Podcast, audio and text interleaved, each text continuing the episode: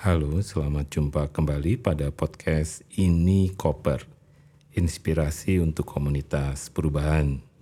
Podcast ini dibuat untuk medium belajar bagi para komunitas perubahan. Komunitas perubahan adalah semua orang yang sedang melakukan perbaikan untuk dunia yang lebih baik. Mereka sering disebut sebagai change maker, pembaru sosial, inovator sosial, dan lain-lain. Saya Dani Wahyu Mugoro dari Inspirasi Tanpa Batas atau Inspirit. Sekarang Inspirit sudah menjadi kolektif learning hub. Karena itu pada edisi kali ini saya ingin ngobrol dengan sahabat lama ia seorang aktivis, seorang social entrepreneur, dan juga seorang peneliti. Dan kami sama-sama bertemu sebagai sebuah profesi ya. Kami juga disebut sebagai konsultan resource group untuk para mitra Miserior. Miserior adalah lembaga dana yang berbasis di Aachen, Jerman. Kali ini saya ingin ngobrol dengan Kira Zen yang baru pulang dari Portugal dan juga Afrika yang sedang mempromosikan bagaimana sebenarnya musik bisa menjadi sumber inspirasi di dalam mengelola perubahan. Karena itu saya akan undang Kirazen. Kebetulan kami bertemu di Bali karena Kira sedang mengembangkan podcast dengan anak sulungnya, Neisa, yang keduanya orang yang luar biasa ya. Jadi selain bertemu di Bali, kami juga belajar dan juga belanja peralatan podcast.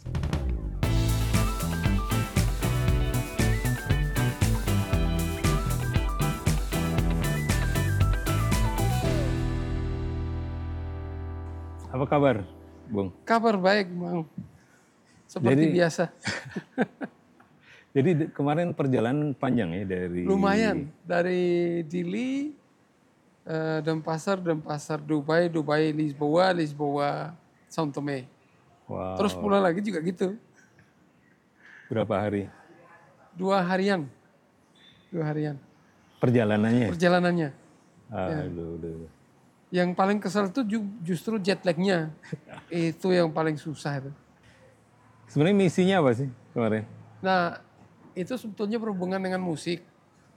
Um, kelompok musik yang saya garap kebetulan ikut berkompetisi dalam satu program uh, dukungan dana dari Uni Eropa dan uh, Yayasan Colus Gulbenkian di Portugal di Lisboa sama Instituto Camões yang punya juga Portugal.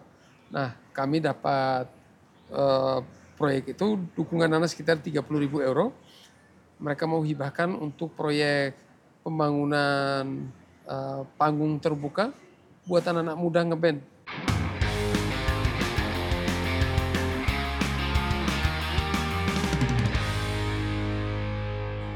di di di Dili. Oh di, di Dili. Di Dili di depan rumah uh, eh, BFR.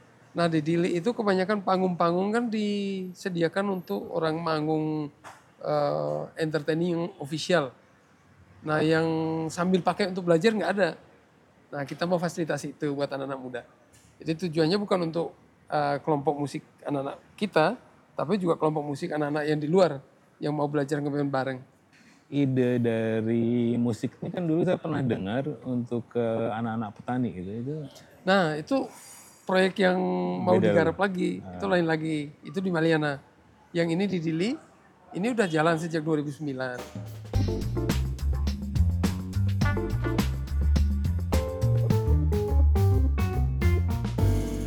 Nah dari 2009 kita bangun studio musik, terus bikin workshop, bikin diskusi-diskusi um, musik. Uh, terus 2015 kita mulai dengan kursus musik orkestra klasik. Nah itu berjalan dengan bantuan sedikit dari pemerintah selama sekitar kurun waktu tiga tahun. Terus pemerintah baru masuk, programnya hilang, habis. Nah, kita masih jalan sih tapi anak-anak muda yang sekarang ngambil alih, yang memanage, yang mengelola eh, kursus musiknya. Eh, kebetulan saya waktu itu milih untuk hijrah ke basis kerja kelompok dengan petani. Akhirnya ya tak saya tinggalin buat mereka, mereka yang garap. Tapi itu masih eksis sampai sekarang, masih jalan. Kebetulan setelah COVID itu mereka jalan, tapi kemudian ada salah satu siswa yang kena bacok belakangnya sampai hampir meninggal, enam kali operasi. Dia satu-satunya siswa apa itu alat musik itu yang sulit itu. Dia sebenarnya Nah. trompet. Bukan kayak klarinet, Klarinet. eh, tapi yang susah niupnya.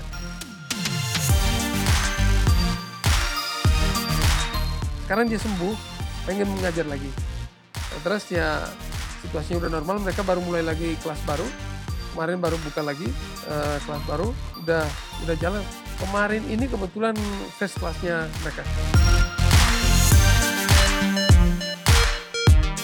Kalau sebenarnya tujuan Mount Kera ya, ini kan ada art, musik, Heeh.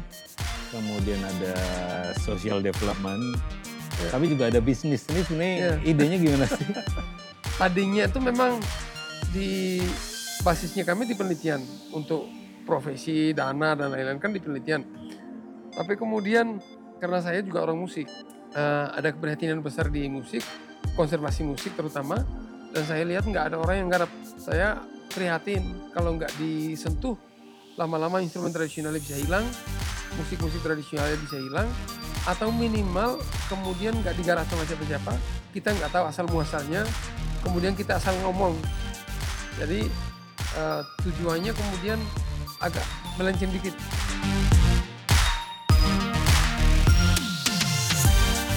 Bukan konservasi tapi pendidikan dulu. Pendidikan buat anak-anak muda supaya ada ilmunya untuk melakukan konservasi.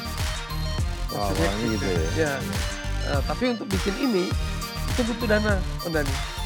Nah sementara pemerintah sendiri nggak nggak mau berurusan dengan dunia seni karena 20 tahun baru mereka fokusnya masih infrastruktur, pendidikan, kesehatan dan lain-lain. Seni bukan prioritas.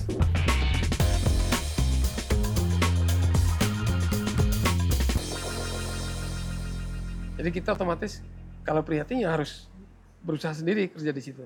Makanya ya harus ada bisnis untuk dukung. Akhirnya ya selain penelitian kita juga kemudian bangun usaha di Maliana. Tapi usahanya itu em, tidak murni untuk mendatangkan duit. Jadi ada unsur edukasi juga di situ. Ya. Berbangun bisnis dengan masyarakat. eh, kita ngambil duit dari yang datang ke situ, tapi duit sebagian kasih ke masyarakat karena kita juga misalnya berasnya, sayurnya, ayamnya, kambingnya itu sebagian juga dari masyarakat. Jadi ada Ya, timbal balik biasa. itu.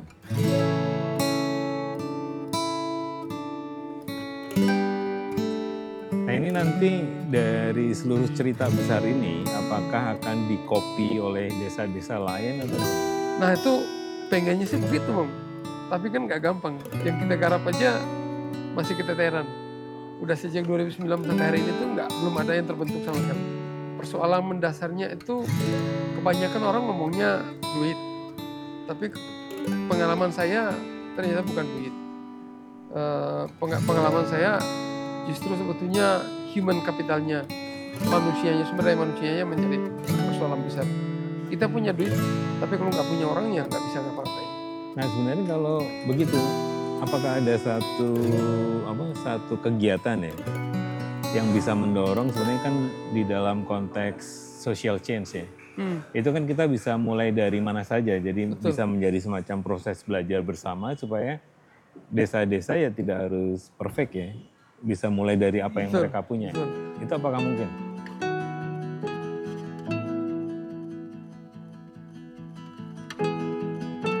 mungkin aja mam mungkin aja tapi tergantung juga kan eh, itu di luar faktor kendali kita kita fokusnya melakukan sesuatu yang menurut kita yakini bisa membantu, bisa berjalan, bisa beroperasi dan kembali ke misalnya ada desa lain yang mau kopi, monggo. Kalau misalnya mereka butuh bantu untuk kita bantu, oke, kita support. Nah kebetulan tahun ini pemerintah juga ngasih duit dikit buat uh, ide inovasi kita di pertanian. Karena kita mau bikin kebun sayur, kebun uh, dan sawah, tapi uh, modelnya model gardening. Oh, Jadi gardening. kayak uh, taman, taman Kayak sayur. permaculture gitu. Uh, model permaculture kayak taman sayur. Terus di dalamnya ada kafe, ada tempat duduk, orang nongkrong, orang bisa cerita di situ, bisa uh, mau masak di- juga boleh di situ, mau belanja di situ boleh. Itu lagi kita garap sekarang. Dan- Sebenarnya kalau minat warga kota gitu seperti kota Dili terhadap inisiatif ini tinggi atau biasa? Kalau di Dili saya lihat susah bang, Em, karena kotanya kecil, sempit, dense, masyarakatnya udah padat banget, Eh, udah mulai bergeser ke pinggir-pinggir. Nah kebetulan ada teman-teman eh, anak-anak muda eh, yang saya anggap intelektual muda, sebagian sudah mulai ke situ. Jadi beli lahan di luar, kerja di Dili, ming- akhir pekannya pulang ke eh, tanahnya itu garap. Nah, interestnya nggak tahu saya mau ke mana sebetulnya. Tapi paling enggak kan eh, itu menurut saya ada efek multi layer efek. Ya sebenarnya menarik ya di tahun 90-an waktu saya ke Bangkok waktu itu ada gerakan anti Bank Dunia kan. Hmm.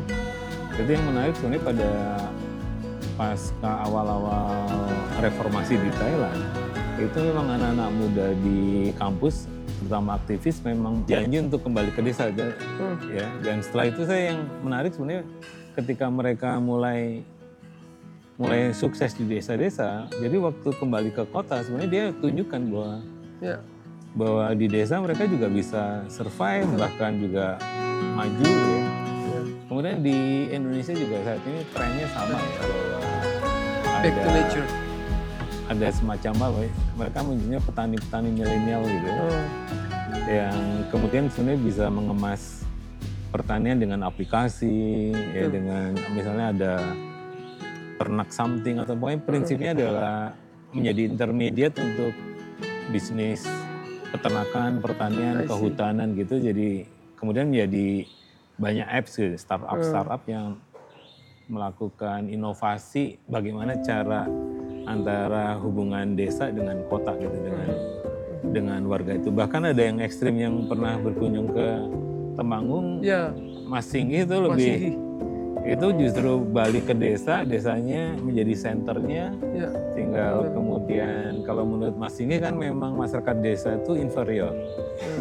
Bosan, udah bosan juga. Jadi bagaimana me- melawan kebosanan dan inferior ini? Karena itu Ma- Mas Singgi lewatnya desain untuk membuktikan bahwa anak muda desa itu bi- bisa bikin sesuatu yang presisinya tinggi, yaitu sepeda bambu. Nah itu yang kemudian ditunjukkan ke dunia bahwa bahwa mereka luar biasa kreatif, hebat dan sebagainya sehingga ada pride ya bangga Ya, betul. bahwa sebagai orang desa itu ya tidak seharusnya inferior. Saya 2019 kalau nggak salah nu sempat berkunjung ke sana dan yang menarik juga itu yang eh, pasar bambu ya. Transaksi ya transaksi di lokal itu dengan menggunakan kan mereka pakai simboliknya uang bambu ya. Nah uang bambu itu menjadi alat pertukaran jadi mengembalikan uang bukan sebagai komoditi ya, Ya, sebagai alat pertukaran, pertukaran. gitu. Itu keren, kemungkinan ke depan bisa lebih lebih apa keren. lebih maju lagi ya karena problematik uang kan mereka nilainya turun terus karena dia diperjualbelikan tapi kalau uang menjadi alat Alat tukar aja. alat tukar saja itu sebenarnya menjadi lebih adil Ya, oke Mon keren banget ya ya. kita akan coba bikin podcast Mudah-mudahan bisa mau. Harus bisa dong. harus bisa. Ya sesimpel ini. Kita langsung produksi nanti saya tinggal minta filenya Ya, saya coba upload oke. malam ini. Nanti carikan topik yang mirip-mirip lah. yang kalau bisa kolaborasi Timor Leste Indonesia untuk isu-isu yang mirip-mirip gitu sehingga ada proses. Saya selalu merasa bahwa ya kita pak bisa saling belajar lah untuk satu apa bukan fokus sih keprihatinan saya mungkin ngelihat perkembangan lembaga apa swadaya masyarakat ya LSM ya. Gimana di Indonesia seperti apa sekarang ini? Dan itu di Timor Leste komparasinya kayak apa? Ya nanti kita bisa tema yang kedua ya kita coba bahas itu. Karena di Indonesia juga sedang ada hangat Hmm, membicarakan itu ya. Donornya gelisah kemudian juga investor sosialnya juga gelisah. Kawan-kawan di masyarakat sipilnya juga gelisah gitu. Jadi menarik ya. karena memang challenge-nya ya challenge-nya itu yang beda dengan kita bayangkan 20 tahun yang lalu. Jadi kalau kita merasa bahwa organisasi masyarakat sipil itu harus seperti 20 tahun yang lalu udah ketinggalan. nggak relevan lagi. Nah ini yang kadang pertanyaan bagaimana NGO bisa tetap relevan? Ya, ya. karena problemnya pasti makin kompleks saja. Ba- Bagaimana kita bisa engage dengan Iya, isu yang makin kompleks. Oke, selamat Thank you, jalan Bang ke Dili. Kemudian kita keep. ya keep in touch salam buat Mbak Buci dan yang lain Oke, oke, siap oke. thank you Thank you. Dadah. Bye.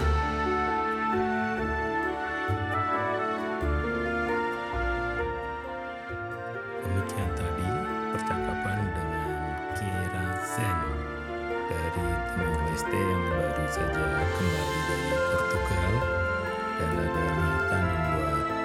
untuk kampung halamannya. Demikian tadi apa yang kita bisa belajar dari seorang entrepreneur, seorang peneliti juga, seorang aktivis, dan juga keberanian untuk memberikan inspirasi bagi anak-anak muda di Timor Leste. Demikian isi Nikoper kali ini. Kami di Nikoper percaya bahwa berbagi apa pun akan bermanfaat bagi komunitas perubahan. Sampai jumpa pada edisi berikutnya.